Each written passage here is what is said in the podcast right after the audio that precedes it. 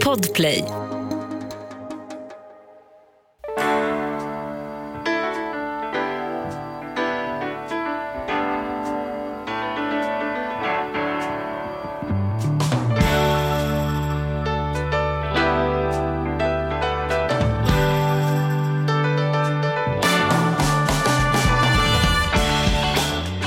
Hjärtligt välkomna till veckans avsnitt av Ekonomi på riktigt med Charles och Mattias. Och den heter ju så för att vi pratar ju om ekonomi Ja. och det är lite på riktigt. Ja, och sen det är det med, lite på riktigt, och sen är det ju jag, Charles då, och, Ja, och du, jag. Mattias. Mattias. Det är som en programförklaring redan i namnet på något sätt kan man Ja, säga. ja, det kan Mm. man säga.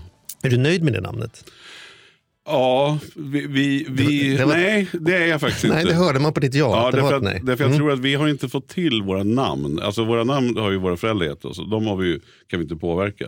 Men vi hade ju en bok som vi, vi släppte som heter Kulor, Cash och Kosing. Ja. Och den, Var den, du nöjd med det namnet? Nej, Nej. det var ju det som var grejen. Att vi tyckte själva att det var ett bra namn. Sen förstod vi efteråt att det var ju ganska fånigt.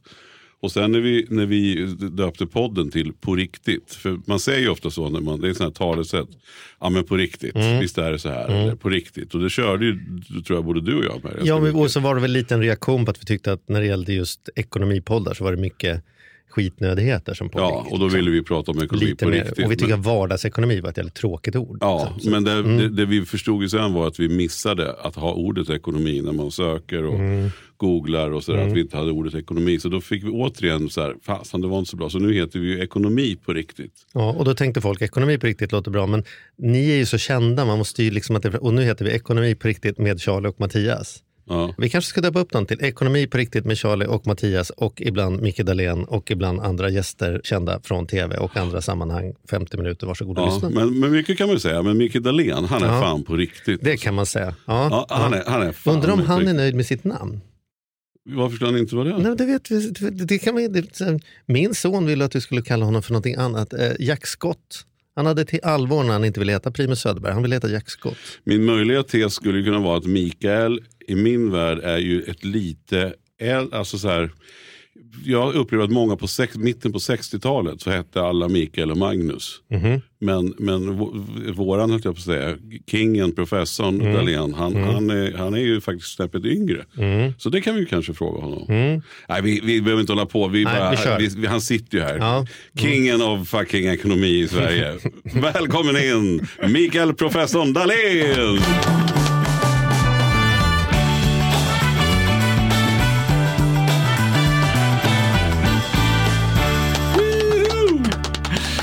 Ja, det är alltid en sån pick me up att få komma till er och bara lyssna på intro. Jag känner mig färdig för idag. Slut. Ja, men det är ju så. Vi, vi är ju så galet tacksamma att du vill hänga med oss. Och det är det så här, jag är lite starstruck nästan varje gång när vi träffas. Och det, har- vet jag, att- det har jag sagt förut och det är så. Liksom. Det är något speciellt när Dahlén kommer in i studion. Tack detsamma. Ja, men Ja, vet du men vad jag tycker? Jag tycker ofta, nu blottar jag eh, liksom, eh, strupen lite, säger, ibland när vi har gäster så ställer jag frågor därför att jag tänker att det kan vara bra för lyssnarna att höra svaret. Och sådana har man säkert på föreläsningar, människor som nästan vet svaret men räcker upp handen för att de tycker att de andra borde att det här borde förtydligas från lärarpulpeten. Liksom. Mm, svaret ligger nästan redan i frågan. Ja, Mm. så ibland upplever jag att jag ställer frågor i podden och det ingår väl lite i programledaruppdraget där, därför att jag liksom tänker så här, bättre att du säger det än att jag säger det. Men Mikael är en sån gäst där jag ställer frågor och jag genuint har ingen aning om vad det kommer komma för svar. Kan det bli så, att- två? så det är ju spännande. det är spännande för oss alla. Ja, vi är tre. Snacka om på riktigt. Ja, Ja. Mm. jävlar. Men du, bara för att bena ut det här med namnet. Har jag, ligger någonting i det här att du tyckte att fan, det är ju bara de lite äldre kompisarna som heter Mikael. Inte mina jämngamla kompisar. Ja, men så här, skulle jag vilja heta något annat? Det, det hänger ju väldigt mycket på kontexten, vad det andra skulle vara. Och eftersom jag har fått det andra serverat mig från min mamma som eh, påmint mig gång efter annan att hon egentligen ville ha en dotter. Jaha, där trillar polletten ner, tänker många som vet hur jag ser ut och fungerar. Eh, och den dottern skulle heta Miriam. Ah, Så det var alternativet. Och om det nu skulle bli så illa att det blir en son så skulle den sonen, tyckte hon, heta Fabian. Fabian fanns en amerikansk eh, skådis, jag vill minnas att han var med i några westernfilmer som var lite populärt när hon var ung på 60-talet. och som sen gjorde någon väldigt kortlivad musikkarriär som gjordes på den tiden. Vad man kände från tv blev musikkarriär. Mm. Så det, det, är liksom det jag förhåller mig till. Att mm. eh, Egentligen skulle jag heta helst Miriam då, eller annars Fabian. Mm. Och i ljuset av det tycker jag att ja, men Mikael kan väl ändå funka. Du, men du har aldrig mm. övervägt att prova Miriam eller Fabian en vecka? Så där, bara se, liksom inte ens som tonåring gått igenom någon sån namnkrisrunda? Nej? Nej, jag har ju serverat en väldig massa namn till mig och eh, bakom min rygg. Så, så jag är ganska mm. van vid ett helt gäng alternativa mm. namn, så jag känner ingen brist på... Men menar, har du något öknamn på jobbet menar du? Att, vad som sägs bakom din rygg? Har du så här, vad brukar de säga? Det vill du inte outa här. jag vet inte om jag vill ge folk några idéer, Nej, så, men okay. det finns ett gäng ja. trådar om mm. mig. Just det. Vad folk tycker att jag egentligen borde heta och vad jag lever upp till eller lever mm. ner till eller hur man nu vill jag, se det. Jag hade Fabian Dahlén hade varit roligt därför att jag kan inte, om jag skulle hitta på, om jag skulle liksom bli författare och skulle skriva om någon sån här slipsnisse som jobbar på något venture capital-bolag eller liksom på, på någon sån här stor eh, konsultfirma. Då tycker jag Fabian Dahlén låter väldigt eh, så. Och då, så det hade varit roligt om du hette det, för det hade varit ännu tydligare kontrast mot vem som sen kommer in. Att du är så inte stiffa slips-snubben. Liksom. Så att jag röstar på Fabian för att eh, chockverkan. Det kommer, ja, du det kommer någon helt annan. inte till en country Nej, inte alls. Inte alls. Ja, men jag, jag, jag, tror jag, jag ser ingen slipsnisse i Fabian. Ja, men, fanns det inte någon Fabian? Fabian Månsson. Ja, så är det nog. Kanske mm. där jag hamnar. Mm. Som var vd under en mm. tid, vill jag minnas, för H&M. Ja. Mm. Men du, hette inte han Fabian, han som var kidnappad, företagsledaren i Göteborg? Just det. Han som fick sitta i någon låda? Han Sibas Stämmer. Eh, Sibas grundare. Han väl Fabian. Fabian. Han är inte heller, honom har jag träffat, han är inte heller så slipsig faktiskt. Nej, han är inte slipsig men han är företagsledare. Ja, ja. Eller var i alla fall. Nu har vi urartat totalt. Har vi totalt tappat ekonomin? Men det var ju så länge sedan vi sågs. Det har ju mm. hunnit bli eh, två nya pandemivänder sedan vi sågs. Mm. Det har eh, hunnit bli krig runt hörnet mm. och Chris Rock har fått stryk. Mm. Jag tänker att vi ska börja den ändan. Därför att jag, vill, finns... jag vill bara lägga till en detalj till. Och jag har ju sen, sen dess så tänkte jag så här, hur kan jag vara som, som professorn? Och då tänkte jag det enda sättet är att, att få samma frissa. Mm. Så, att, så, att, jag var ute och gick på Söder idag, jag måste visa en bild. Oh, ja. Oj, det här är bra radio. visa en bild. ja, jag vet, men det här finns något med till sociala medier om man vill skämmas. Jag gjorde en deal när min dotter flyttade till USA. För jag började ju med sån här pandemifrisyr. Mm. Jag gick inte till, till mm. frisören och har nu inte varit hos frisören på två år. Men då har jag ju håret uppsatt därför att annars så ser det, tycker jag, jättekonstigt ut. Annars ja. ser det ut som en dörrvakt på ett tveksamt ställe. Annars ser det ut som Fabian Dahlén. Ja, ja, precis. Så var jag ute och gick i morse och så gick jag förbi ett skyltfönster för då hade jag inte satt upp håret. Annars har jag alltid håret i, i en knut. Mm. Men så, det skulle kunna vara lite så här Dahlén till ära. För det var ju faktiskt i morse. Men då fick jag se mig själv hur jag såg ut. Hur kan detta bli något annat än en förolämpning? Nej, tvärtom. Eh, eller beror på hur man ser det. Och då, nu kommer bilden här Mikael. Så, så här ser jag ut om jag inte har håret uppsatt. I love it. Jag älskar det. Vad säger du Charlie? det är så... Ser du ut som en trollkarl nästan? Du, du, ser ut som om du hade varit med i en film. Så hade man sagt så här. Men vad i helvete har de satt på honom för peruk? Alltså, det är noll trovärdighet. Det, det är inte som att man tänker att det är så här. Du ser ju ut som så här, fröken... Vadå, det är som förolämpning, vadå har inte, har inte professorn Ja men det ser ju ut som att, vad heter hon, fröken Sverige som vi hade här i studion? Vad heter hon? Ja, Johanna Lindbagge. Ja, det ser ut som ni har ställt er bredvid varandra och tagit en bild och sen gjort face swap. Det är som att ditt ansikte. Men det är bra hår, eller hur? Ja, ja det är fröken Sverige-hår på det. Du ser ut som en Miriam. Jag tror min mamma skulle vilja adoptera Ja, det här skulle kunna vara Miriam. Min svärmor heter Miriam för övrigt. Så. Är det så? Ja. Wow. Mm. Ja, ja, jag, jag vill bara säga att vi, så lång tid har det gått sen. Så, så vi ska hjälpa ta oss tillbaka då. Så sammanfattning av vad som har hänt i världen. Det har varit två pandemier runder till. Vi har ett krig, vi har en, en stor mediabubbla i Hollywood och Mattias har blivit långhårig. Där har vi liksom täckt in de viktigaste nyheterna. Eoner av tid, decennier. Ja. Mm. Alltså, det är, nu måste jag dra mig till minnes, det är inte mycket mer än ett år sedan vi såg senast. Mm. Nej, det är sant. Jag. Nej, det, det, precis. Vi, vi sågs emellan där. Va? Men det är en fantastisk illustration av hur vi hänger upp tid på händelsekrokar. Mm. Anledningen till att vi tycker att tiden går så snabbt är att vi inte har så mycket att hänga upp den på när det bara tuffar på på det stora hela. Vi, vi, underskattar nästan alltid tiden som gått i våra liv för att de inte är så händelserika. Men nu har vi verkligen grejer att Är det, är det därför man säger att tiden går fortare och fortare äldre man blir? Därför att det händer allt färre nya saker. Alltså det, det, det är inte så mycket som sticker ut och kan bli en krok. Medan när man är 12 år, då varje dag händer det ju helt makalösa saker man aldrig varit med om tidigare. Liksom. Och därför så blir det många krokar då. Är det, är det, nu hittar jag på en liten egen slutledning här. Men... Ja, men så är det. Tiden som 12-åring fylld med fler nya saker Mm. är dubbelt så lång Mm. som tiden i kanske vår ålder när det inte alls är så många nya saker i tillvaron med mindre än att det blir pandemi, Mm. krig. Det är ju väldigt intressant för det är egentligen lite tvärtom vad man skulle kunna tänka. För att om man tänker sig att man har tråkigt, för jag känner ju när- den här tiden när jag har bott så mycket på landet. Den har ju gått så oerhört fort på något sätt. Mm. Fast jag egentligen då inte har gjort så mycket. Nu har det ju då givetvis hänt mycket om i världen. Men annars brukar man ju säga så här, har man tråkigt så, så går tiden långsamt. Gör man mycket så bara visslar det till. Men, men i minnet så är det egentligen tvärtom. Mm, det är kontraintuitivt, så är det. Man Ja, det tänker så, att ja. tråkigt borde vara längre. Mm.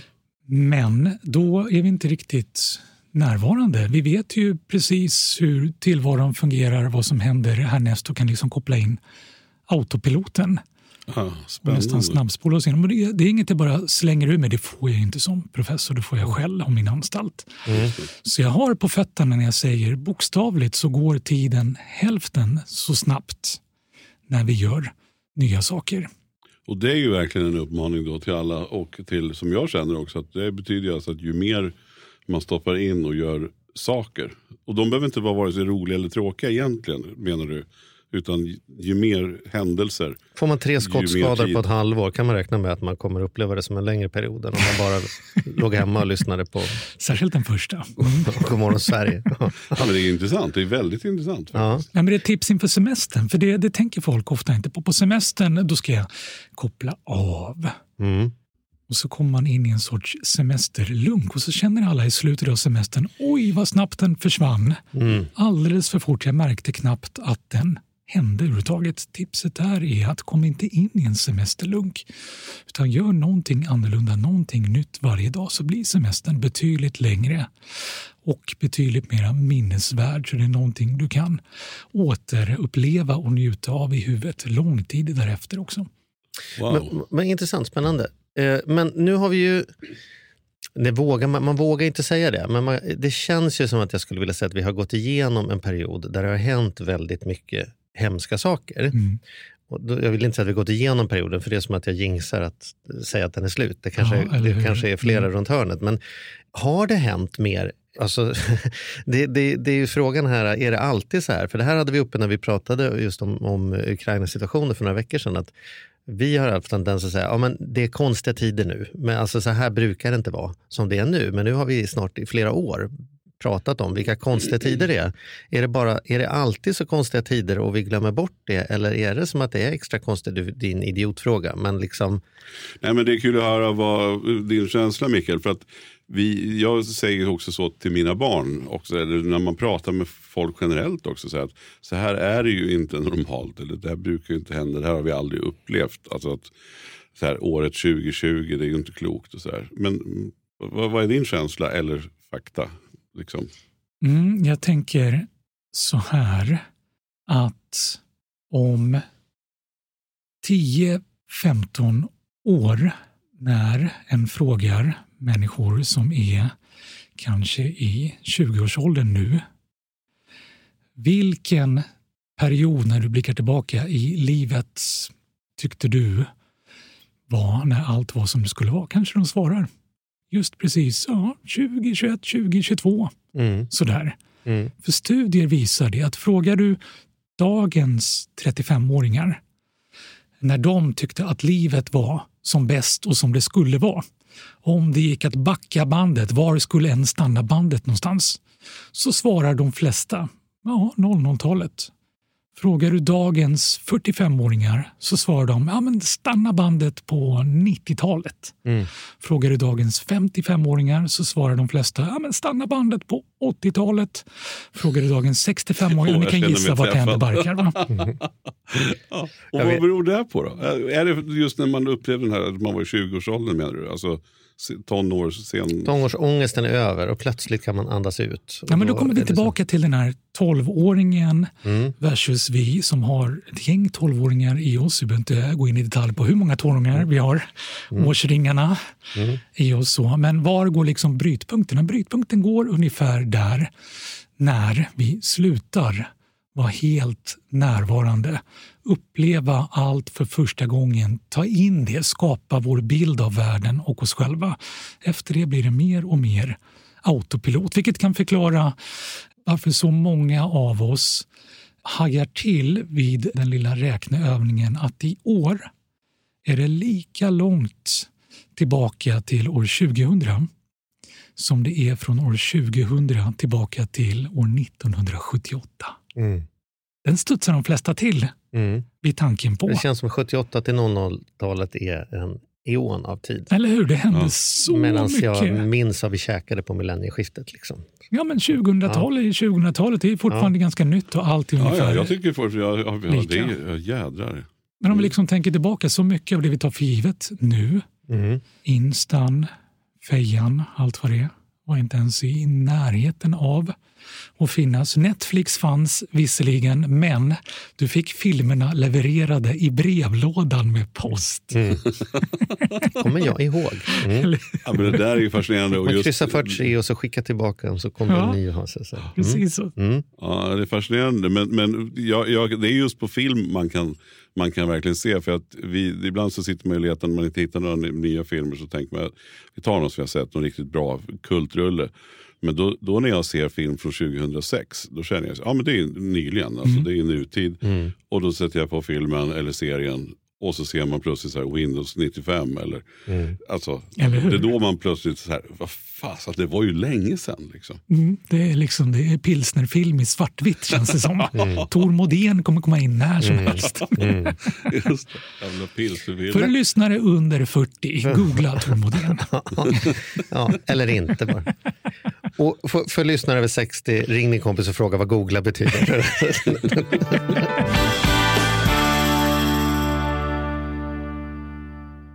Den här podden gör vi även den här veckan i samarbete med Saveland. Fan vad kul det är att ha dem med ombord. Mm, jätte, jätteroligt. Ja, vi brukar prata om att man har något band som man såg jag stod Bo Kaspers jädrigt tidigt liksom, innan man gjort tv-debut. Och du har något hårdrocksband som du var jävligt tidig på. Ja, alltså jag var på, på Lilla Teatern Göta Lejon och såg Metallica Ja. 1984. Så gammal är jag. Och jag var i kontakt med Saveland när det fortfarande var typ tre, fyra personer där från början. När jag fick möjlighet att träffa dem.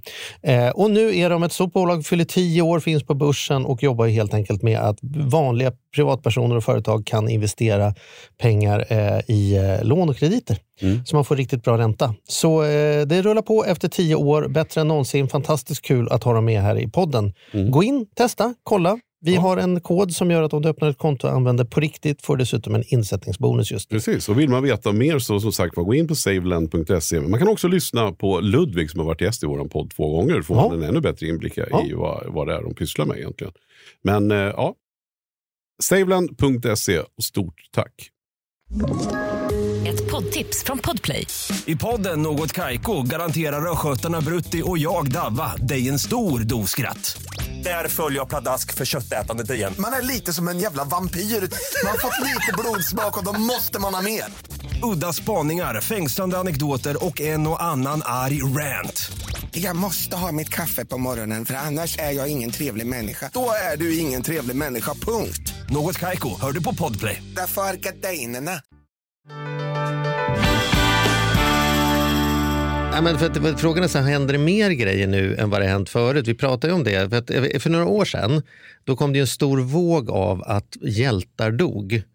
Alltså det var rockstjärnor och det var tv-stjärnor och det var filmstjärnor och så vidare. Och det var som så här, vad är det som har hänt? Varför går alla dessa fantastiska människor ifrån oss just nu? Mm. Och då vet jag att någon hade skrivit något, eh, liksom gjort någon räkning och konstaterat det är inte så. Det dör inte fler kända personer nu än tidigare. Detta är sociala medier som gör att du är närvarande till att det händer precis hela tiden. Tidigare dog de utan att det var tre år senare sa han. vad fan hände med den gitarristen? Nej, han finns inte kvar. Nej, men nu är det liksom instant. När Will Smith slår till någon, då, då, då är det inte som att de säger det på rapport dagen efter, utan det liksom är direkt upp överallt och alla gör kommentarer. Och kriget i Ukraina är liksom så himla nära oss jämfört med vad, om man bara backar till kanske vad Kuwaitkriget var. Liksom. Är, är, ligger det någonting i det? Att, att det händer lika mycket som det alltid hänt, det är bara att vi märker det mer? Eller? Ja, men nu ska Är vi tänka, nu ska vi Mm. tänka ekonomiskt då. Mm. På riktigt. Med Charlie och Mattias. Ja, och Micke och ibland. Mikael Dahlén. Ja. Och ibland andra kändisar. Eller hur var Ja, det? och Miriam och Fabian, Just alla får vara med idag. Ja, ja. att du har en klar poäng i att vi informeras mycket snabbare om händelserna idag. Så vi är informerade om, informerar oss själva, medvetna om, blir medvetna om saker som händer i en betydligt större utsträckning. Eh, och då kan vi bli snudd på filosofiska och tänka hos trädet i skogen. Om det faller och ingen är där, hörs det då? Nu hör vi, för vi är där. Mm. Så det är en händelse nu. Var det en händelse förr? Det är svårt att svara på. Vi kan inte backa bandet och fråga heller. Men i så mått och filosofiskt så är det en händelse nu. Kanske, som inte var en händelse då. Eh, lägger vi ovanpå det, det här som kan pratas om i termer av fjärilseffekter och allt vad det är. En sak leder till en annan som leder till en tredje som leder till en fjärde. Nätverkseffekter som vi ekonomer säger. Så borde det ju vara så att ju mer välinformerade vi är desto mer och snabbare kan vi reagera reaktion, motreaktion, motreaktion på den och så vidare så borde det generera fler händelser. En tredje aspekt av det där är dör fler kändisar? Ja, det är jag övertygad om. Därför att kändis blir du medelst att andra människor informeras om att du finns. Och idag informeras vi om att fler människor finns. Idag kan du bli kändis utan att vara med i TV1 eller TV2 som det hette när livet var som bäst på 90-talet om du frågar en 45-åring. När Tor Modén skulle på kändisfest då kunde de aldrig vara fler än fyra kring bordet för det fanns bara fyra kändisar Ja, i Sverige. precis. Men nu går det inte att få in dem i Blå hallen. Så jag är fullt och fast övertygad om att det finns fler kändisar. Och igen går vi tillbaka till 2000 och- googlar igen, eller om du är över 70-80 eller något sånt där, men nu kan alla googla. Men gå annars till ett bibliotek och kolla i folkräkningen. Hur många människor fanns det i Sverige? Hur många människor fanns det på planeten? Så studsar en till också vid hur avsevärt färre människor det fanns i Sverige, i Stockholm där vi är just nu, på planeten överhuvudtaget. Så det finns en väldig massa fler människor som kan generera en väldig massa fler händelser. Intressant. Det Så- är ju, ja. Så, det, så en, en nätverkseffekt här, alltså, dels är vi, är vi fler och sen så är vi mer ihopsatta med varandra. Mm. Och det gör att händelser, händer mer saker och det som händer påverkar oss mer därför att det blir den här ringar på vattnet-effekterna som gör att om, om, om, om det råkar vara på någon marknad när det sprider sig någon förkylningssjukdom i Kina, det, för hundra år sedan så, så visste vi aldrig om det. Nu blir det ju en enorm påverkan på hela samhället när det sprider sig. Liksom. Och om två personer eh, slår varandra med öppen näve i, i USA så spelade det ingen roll på Tor Modéns tid. Men nu blir det plötsligt att samhället stannar upp och ska ha å- alla ska ha en åsikt om det. Det är liksom en del av den här nätverkseffekten så att människor på riktigt genuint får en krok i sitt liv då, Mm. av saker som man tidigare inte ens hörde det där trädet. Liksom. Ja. Mm. Vad gör vi med det då? Lever vi i en tid där vi kommer att känna att vi lever längre och längre för det blir så jävla mycket krokar eller blir vi avdomnade eller blir det liksom, är det här bra eller dåligt? Det vet jag, det gillar ju inte forskare att svara på för att de är bara att det är intressant. Men jag vill ju ändå hamna i något så här, vad fan gör vi med detta då? Liksom? Ja, men bra eller dåligt är ju det är subjektivt och det blir en väldigt akademisk fråga så forskare borde ju gilla det. akademisk fråga är att det har ingen bäring på verkligheten för vare sig det är bra eller dåligt så kommer vi inte ifrån det. Fakta är fakta. Det vi kan göra är att förhålla oss till fakta. Och då tycker jag i möjligheten att förhålla oss till någonting så har vi också ett ansvar att göra något positivt av det. Så det är mitt invecklade svar för att i slutändan ändå landa i ett icke-akademiskt, det är bra. Okej, okay. så nu då, därför det här pratade vi om när vi, när vi hämtade kaffe här, att det känns som att det här nätet som du beskriver, liksom som vi alla sitter ihop i, är så spänt så att det verkar som om vi inte klarar att ha mer än en eller två vibrationer igång samtidigt. Jag har ju tidigare skojat och sagt att vi hade finanskris i Sverige precis till den dagen någon började prata om fågelinfluensa och då slutade vi ha det därför att då var det något nytt som, som liksom löpsedlarna kunde handla om. Och det finns ju en, en väldigt vad vi visste på timnivå, hur många som låg på intensivvården alldeles fram till Putin klev, klev in över gränsen och helt plötsligt så slutar vi ha uppdateringar på timnivå hur många som ligger på IVA i Sverige.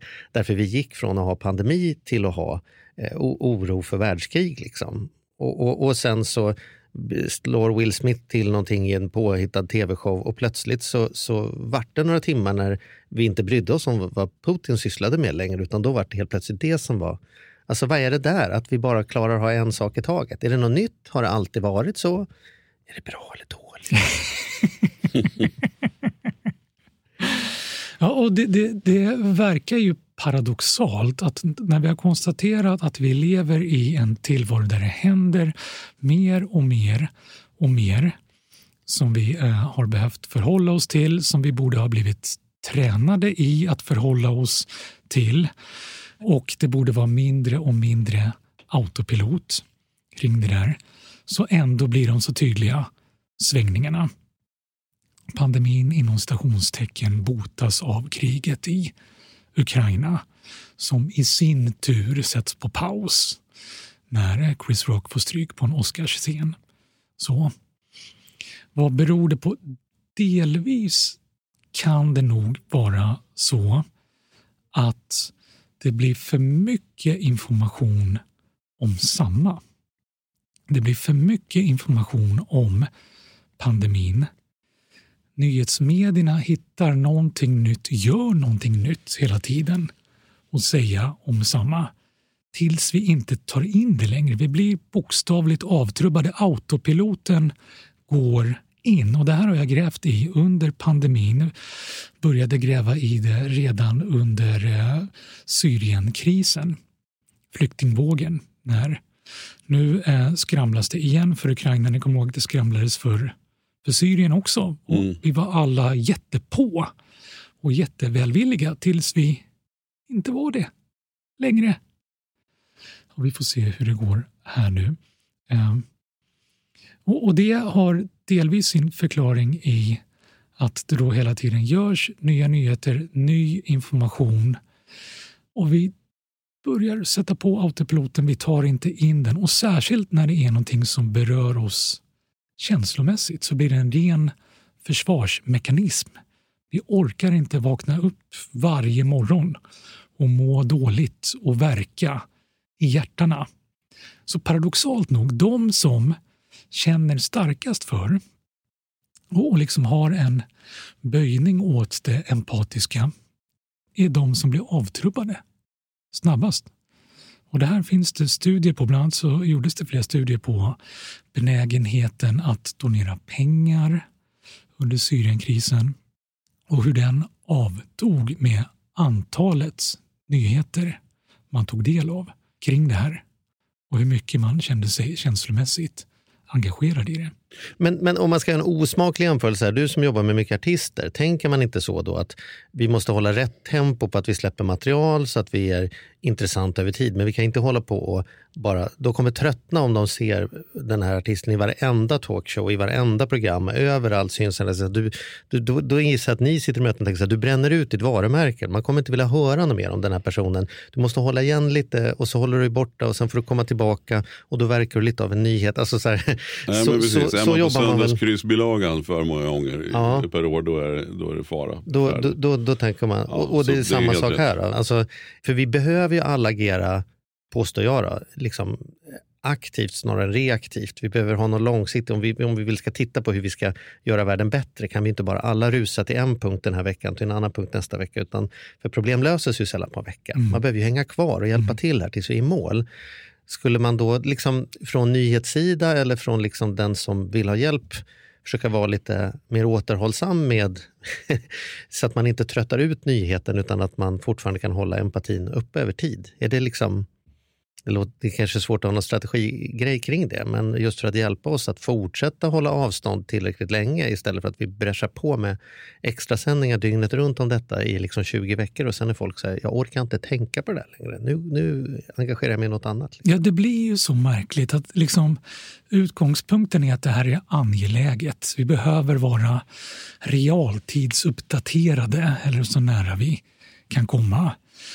Men, men det leder till att det efter ett tag känns mindre Mm. angeläget. Att det går in i det här suddet som är i stort sett mer av samma som vi tycker att det behöver vi inte ta in längre, för det vet vi redan att det är så. Mm. Mm. Så det är det som är så klurigt. Genom att det rapporteras angeläget så uppfattas det mindre angeläget med tiden. Detta är förvirrande. Liksom, Men visst är det himla klurigt och liksom där har vi ju en, en mediedramaturgi också. Då är vi tillbaka till det här hur mycket vi informeras. Vi informeras mer än någonsin till. Konkurrensen om våra ögonglober och våra öron är större än någonsin. Så det gäller att hitta någonting. Breaking news var först har det pratats om väldigt mycket de senaste åren. Att det är att vara först är viktigare än exakt vad en är först med. Sen hitta någonting där som gör att allting högaktuellt, högaktuellt, högaktuellt. Minsta lilla grej som gör att vi vänjer oss inom stationstecken trubbas av alldeles för snabbt. Sen, sen finns det, tillbaka till siffror, så vet ni ju, det här har vi pratat om tidigare, att jag har grävt en väldig massa i siffror. Medierna är ju informerade medelst siffror i större utsträckning än någonsin. Hur många klick det blir på nyheter och så vidare. Så det styr dem mycket. Och ju mera breaking, desto fler klick blir det. Så därför så jobbar de på det. Dessutom så vet medierna att kan vi slänga in siffror, och det syntes ju jättetydligt under pandemin, om du kommer ihåg det, antalet smittade idag, antalet dödsfall idag, Mm. så, så ger det fler klick. Så därför är de benägna att använda sig av siffror. Det har två olyckliga dimensioner. Det ena är att siffror är verifierbara. Siffror går ju att ta reda på. Det är svårt att, att liksom verifiera vad någon tycker eller känner. Men siffror är ju fakta, så det är verifierbara. Därför känner journalister att men siffror är bra, då rapporterar vi sanningen. Men att de är verifierbara får journalister att känna sig trygga med siffran så till en milda grad att de inte själva behöver verifiera den. För ingen kan väl komma med en låtsassiffra, för den går ju att kolla upp. Så de lär ju rapportera en sann siffra, så jag behöver inte ens kolla upp det och någon annan har förmodligen redan gjort det. Just. Vilket ökar risken för fake news och allt det där som är en del. Eh, Och den andra delen är att siffror sätter igång det förmodat rationella i oss som mottagare och gör oss mindre empatiska, gör oss mer till räkneverk och mindre till människor. Så när vi läser siffror om att nu är det så här många som smittats, nu är det så här många som farit illa i kriget och så vidare, så känner vi mindre för dem. Och det finns också studier på med donationsvilja och så vidare som paradoxalt nog visar att ju större siffrorna är i antalet dödstal, flyktingar och så vidare, desto mindre benägna blir människor med tiden att Och desto mer orimligt att ta in också. Mm, alltså då blir det så här ogreppbart. Om man visste att det var en familj eller en, en tjej som är kidnappad. Jag tror den här engelska brittiska tjejen som försvann. Den har ju hela världen följt i hur många år som helst. Mm, och liksom en tjej. Men sen när man hör då att nu har tusen dött eller två tusen dött. Och så här, Mm. Till slut så, så, ja, men så här, det, går ju inte att ta in. Liksom, man klarar ju inte det känslomässigt. Liksom. Så att det, Jag tycker att det är både och det här. Alltså, eller, alltså, det, det du säger är ju fakta, så att det, liksom, det, eller analys. Det är, alltså, det är inte så mycket att ifrågasätta. Men när jag tittar mig omkring så tycker jag det är klurigt. Därför att För någon vecka sedan så var jag genuint upprörd på SVT Nyheter. Jag satt och tittade en hel timme på eh, nyhetsrapporteringen och jag fick ingen nyhet överhuvudtaget. Det var eh, livsstilsreportage på rad.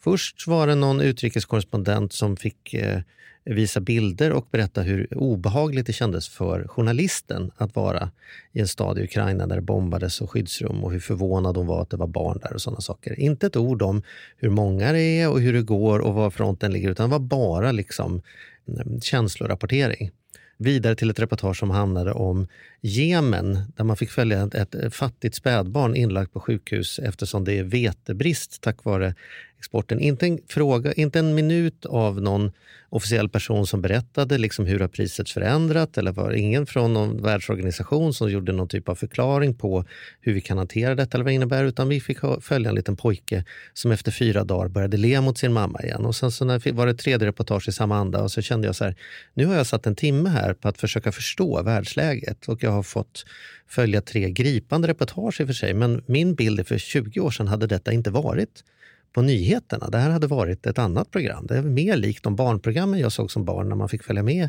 en liten fattig flicka som bodde på landsbygden och förstå hur hennes vardag var. Och det är idag liksom nyheter. Så att ibland tycker jag siffrorna är helt också frånvarande och jag blir frustrerad. Jag, bara, liksom. ja, men jag förstår vad du menar, men jag vill bara fylla på innan Mikael ger sin reflektion. För det är också det som, det som stör mig väldigt mycket. Det är ju just det här att vi har fått in mer av kvällstidnings, alltså de här klicken som vi pratar om. Mm. Eh, och att vi har fått in det i public service och SVT. Jag tycker till exempel, jag har alltid gillat Karina Bergfeldt. Jag har, jag har, eller alltid, det jag har sett av henne när hon har varit utrikeskorre tycker jag har varit kanonbra. Lyssnat på henne, hennes otroligt starka sommarprat och när jag hörde att hon skulle göra den här talkshowen eh, i SVT så, så, så tänkte jag att det ska bli jättespännande med hennes erfarenhet. Och sen känns det som, då sen förstår man att hon kommer från en kvällstidning. Liksom. Att någonstans så är det bara känslor. Och det blir så geggigt det där tv-programmet tycker jag. Och det står jag för. Så att de här spännande gästerna, det är bara så här, hur kändes det när hunden dog, när frun gick bort, när branden slog till. Alltså så här, på varenda gäst så måste man leta känslor, känslor. Och så här, hur kändes det? Och för mig är det ju en kvällstidningsklickhistoria som vi går emot allt mer.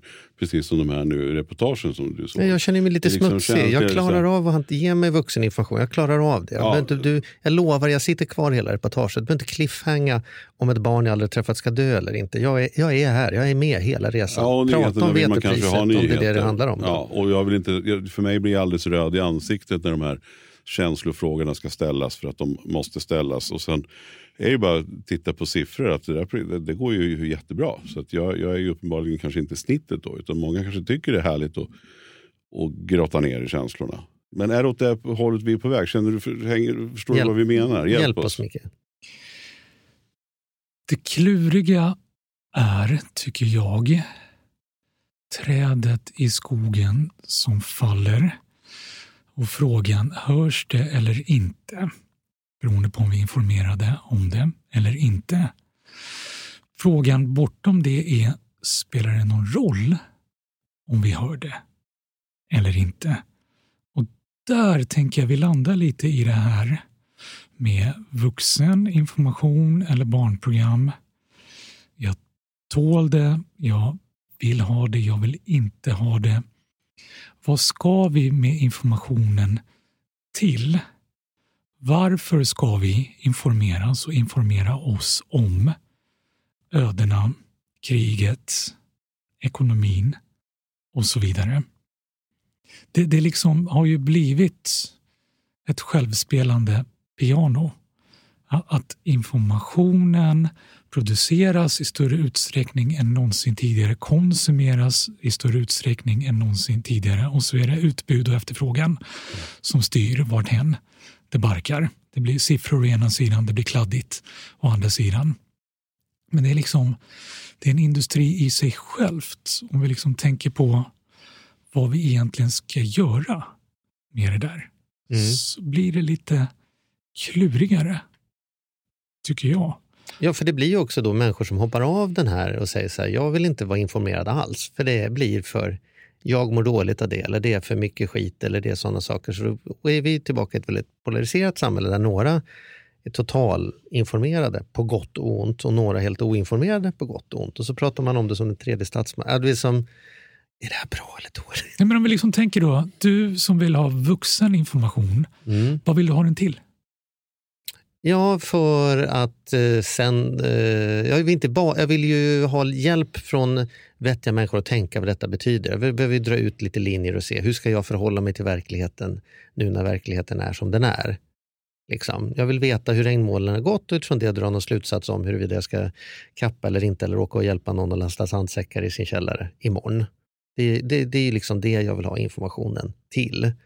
När jag bara får veta då att vi hittade en tant som var rädd för att det skulle bli blåst imorgon, så bara, ja, kanon. Men det hjälper ju inte mig att lista ut vad det ska bli för väder, att höra att en tant är orolig. Liksom. Jag hör att hon är orolig, men ja, där någonstans är jag. Ja, men, ja, och jag, jag håller med där igen och fyller på. För att jag hörde på vägen hit nu i, i radion så, har, så berättar de att, vad pratade Stockholm lokalt, att man nu har eh, Ukraina har bett om att få för, alltså, läkemedel, tandkräm, tandborstar, sovsäckar. Alltså konkreta saker som kan hjälpa dem precis nu.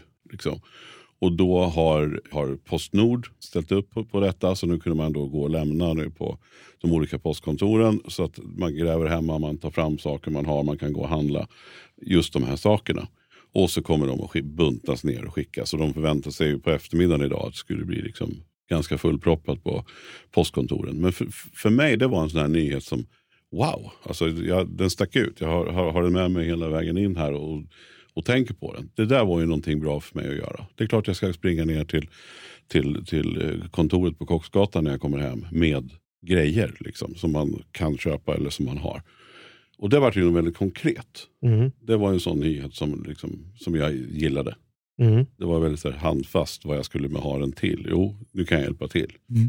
Hur gör du Mikael, när du förhåller dig till nyheter? Är det som att du letar efter siffrorna eller letar efter historierna eller eh, tar du bara det som kommer till dig eller är du selektiv vilka kanaler som är... Alltså hur gör du för att veta vilken värld du befinner dig i och samtidigt inte drunkna i vare sig den ena eller den andra dammen? Liksom? Är det en fråga som ens är med dig? Jag vill ju lära mig någonting, både om det nyheten handlar om, men också varför det är en nyhet Mm. och vad den leder till. Vilket är en ambition jag ganska sällan lever upp till, för allt det där får jag inte alltid reda på eller kan ens ta reda på. Men det, det är det som intresserar mig, de tre delarna. Och när jag känner att jag på något sätt inte kan få ut någonting i någon av dem, då brukar jag koppla bort. Mm. Och känner jag att jag vet tillräckligt om föremålet för nyheten, och då skiftar intresset mer och mer till okej, vad, vad får den här nyheten för effekter? Vilket ofta blir tydligt när vi pratar pandemin, när vi pratar kriget som pågår länge. När marginalnyttan, för att prata ekonomi på riktigt, blir mindre och mindre på nyheten i sig Mm. så ser jag att marginalnyttan är större i att se men vad, vad kan jag lära mig om vad nyheten har för effekter, varför det är en nyhet, vad säger det om oss alla? Mm. Det tycker jag är intressant och viktigt. Men, men jag tänker liksom på, apropå marginalnytta, så tänker jag att det är med informationen som med pengar och den ständiga frågan hur mycket pengar ska jag tillskansa mig, hur mycket pengar ska jag ha? Ja, varför ska du ha pengarna? Ja, I slutändan är det ju för att du ska bli lyckligare på något sätt, tänker jag. Det är därför jag forskar så mycket på lycka, för det blir egentligen det vi vill åt på något sätt, må bättre. Mm. Och där finns det ju, det vi pratat om förut, finns det ju studier som visar att ja, mer pengar upp till en viss nivå som kommer snabbare än de flesta tror gör dig lyckligare, får dig att må bättre. Sen är marginalnyttan ganska lite. Men överlag, över hela skalan med pengar så handlar det till väldigt stor del inte om mängden pengar utan vad du använder dem till, vad du gör med pengarna. Och det tycker jag är viktigt att vi tänker på vad gäller information också.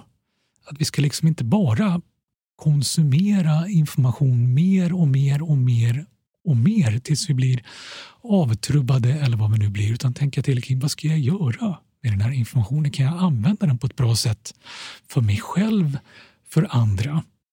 Bra. Det Mm. var... Det, det, Ja, det är bra. Mm. Jätte, jättebra. Hur kommer, hur kommer ekonomin då?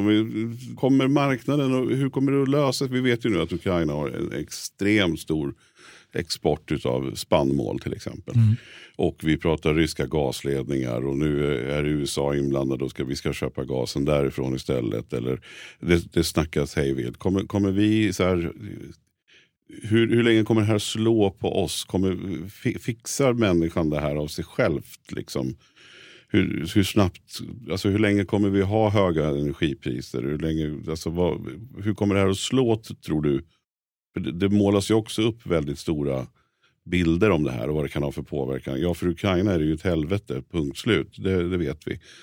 Och då kan man ju tycka i sammanhanget hur fånigt att se hur mycket jag ska få betala elräkning liksom, på ett sätt. Men, men det, är ändå, det är ändå intressant. Alltså, hur, hur, hur blir ekonomin efter en sån här grej? Och vad, vad har vi sett? Löser vi sådana här saker?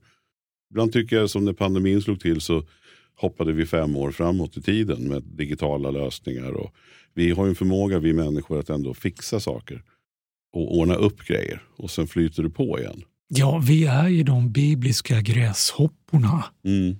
Apropå att vi bara blir fler och fler i en takt som är så hög att man förvånas om man går tillbaka och kollar hur många vi var år 2000, som vi var igår känns det som. Ja, exakt. Mm. Och vi löser det på ett sätt som funkar för oss ett tag till på bekostnad av vi blivit varse av alla andra vi delar planeten med. Så ja, det kommer väl lösa sig på något sätt som vi tycker är okej. Mänskligheten. Den andra delen är ju det här med ekonomi på riktigt. Hur jäkla på riktigt är den egentligen? Eh, Kommer ni ihåg domedagsprofetiorna, ramaskrina Kerstin Hessius i början av pandemin? Vi kommer förlora en generation. Världen kommer att gå under. Ekonomin kommer aldrig återhämta sig. Tänkte vi i mars, april, kanske lite i maj och sen i juni var vi tillbaka som om inget hänt. Vi var på samma nivå igen. Sammantaget så sved det. Finansmarknaderna var tillbaka. Sammantaget sved det så att det blev ett avtryck i BNP men inte alls så stort i slutet av 2020 som vi trodde i mars 2020. 2021, förra året, hade vi en högkonjunktur i BNP mått mätt som vi inte varit med om på väldigt, väldigt länge. Och finansmarknader som inte bara återhämtat sig från det stora tappet i början av pandemin utan till och med gått förbi rekordnivån som de låg på precis innan pandemin med 30 procent, med 50 procent mer därtill om vi kollar på Nasdaq. Vad av det är riktigt? Och så de första nya domedagsprofetiorna som kommer i början av det här året med å ena sidan blir det ett nytt varv med pandemin och sen kommer Ukraina och så vidare. Så smyger lite superinflation däremellan och att eh, liksom, ingen kommer ha råd att köpa bröd längre för att det kommer svenska kronans värde och euron kommer försvinna. Ja, vi hann också ha någon vecka med Ja. hyperinflation innan kriget botar oss från den farhågan. Ja. Men, Men vad är det här för farhågor då? Därför att jag menar, vi verkar ju som om, när vi lyssnar på medieströmmen så drar, när drar våra analyser så verkar ju som om vi nästan alltid drar mer långtgående analyser. Alltså, vi tror att det ska bli värre än vad det blir. Jag vet att till exempel att vi, vi pratade så här, det här är, förändringar från pandemin kommer att, det här med att man reser över världen, det kommer vi sluta med, det kommer vi aldrig börja med igen. Och nu kan jag avslöja att det är 11 månaders kö för att få ett nytt pass för att det är så fruktansvärt många människor som vill ha ett nytt pass och det är ju inte för att de ska ha det när de går till systemet, det är ju för att de ska utomlands. Så det var ju bullshit. Vi, uppenbarligen så reser ju människor och är sugna på att resa som aldrig förr, så det var ju inte som att det varit någon världsförändring av den saken direkt.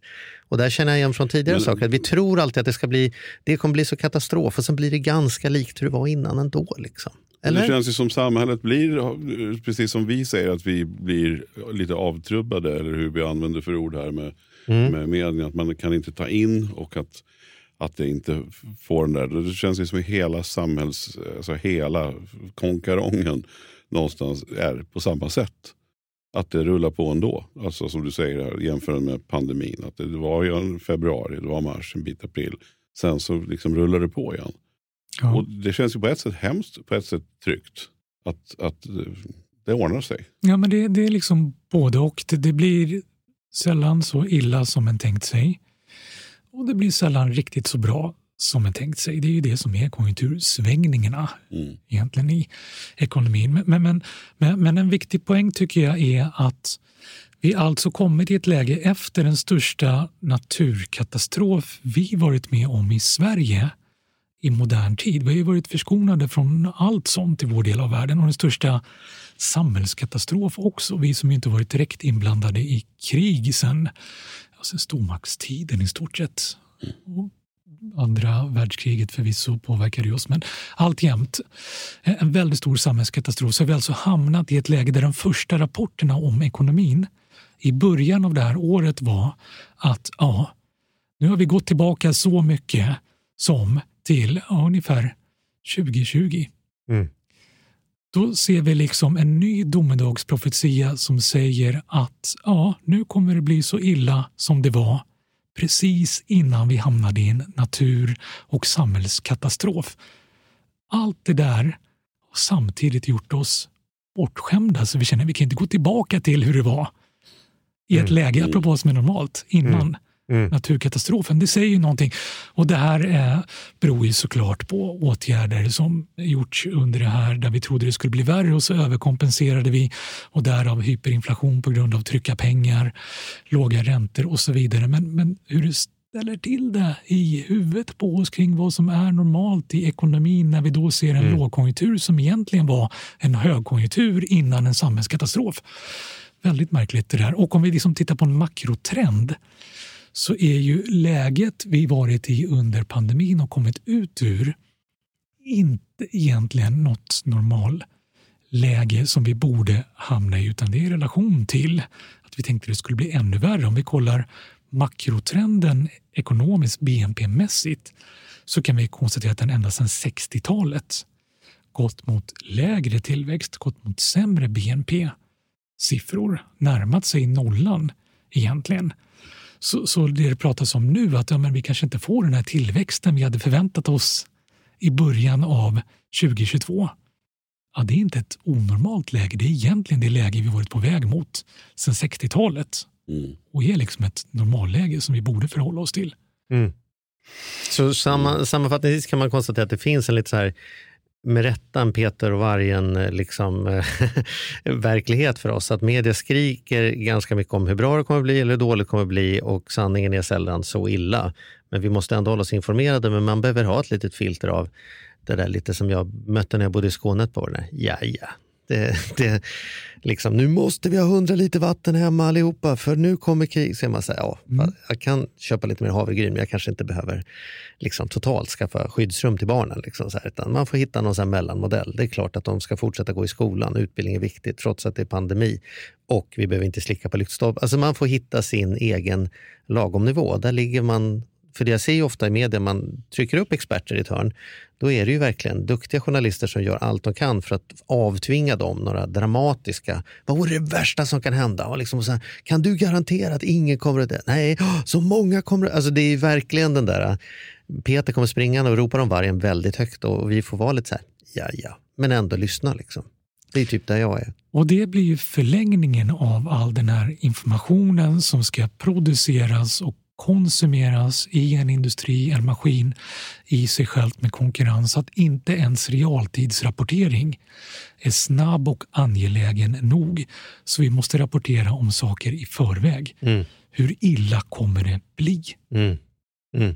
Mm, det är intressant. Det är jätteintressant faktiskt. Hörrni, det, får, det får fan bli ett annat ämne. Nu har vi passerat någon gräns för...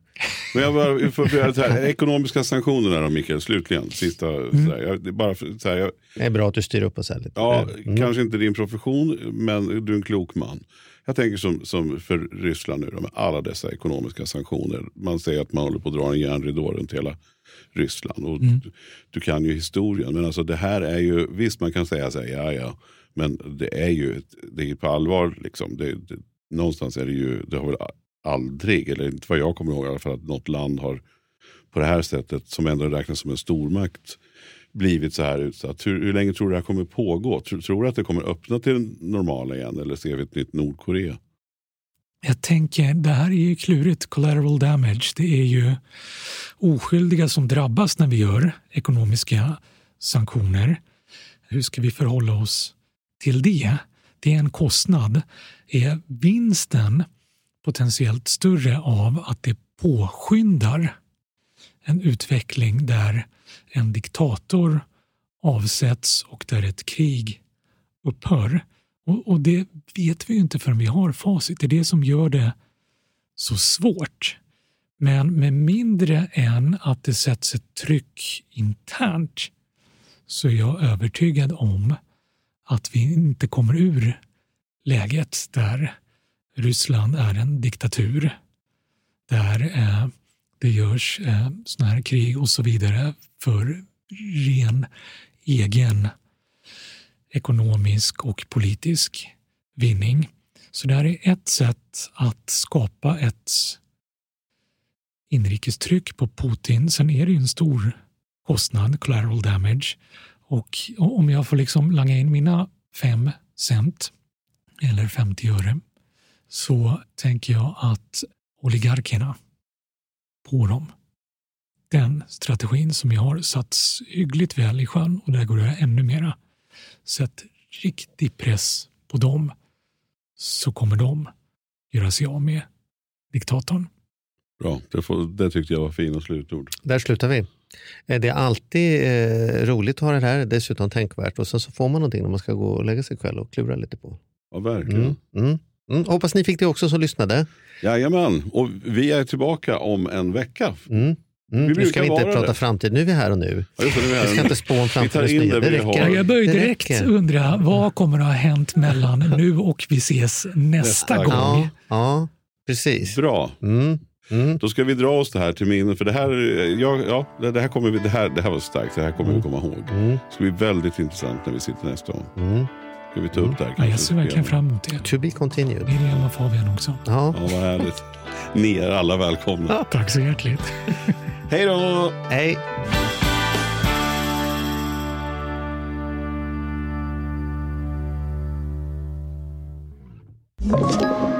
Podplay.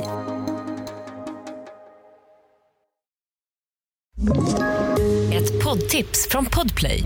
I fallen jag aldrig glömmer djupdyker Hasse Aro i arbetet bakom några av Sveriges mest uppseendeväckande brottsutredningar. Går vi in med hemlig telefonavlyssning och, och då upplever vi att vi får en total förändring av hans beteende. Vad är det som händer nu? Vem är det som läcker? Och så säger han att jag är kriminell, jag har varit kriminell i hela mitt liv men att mörda ett barn, där går min gräns. Nya säsongen av Fallen jag aldrig glömmer på Podplay.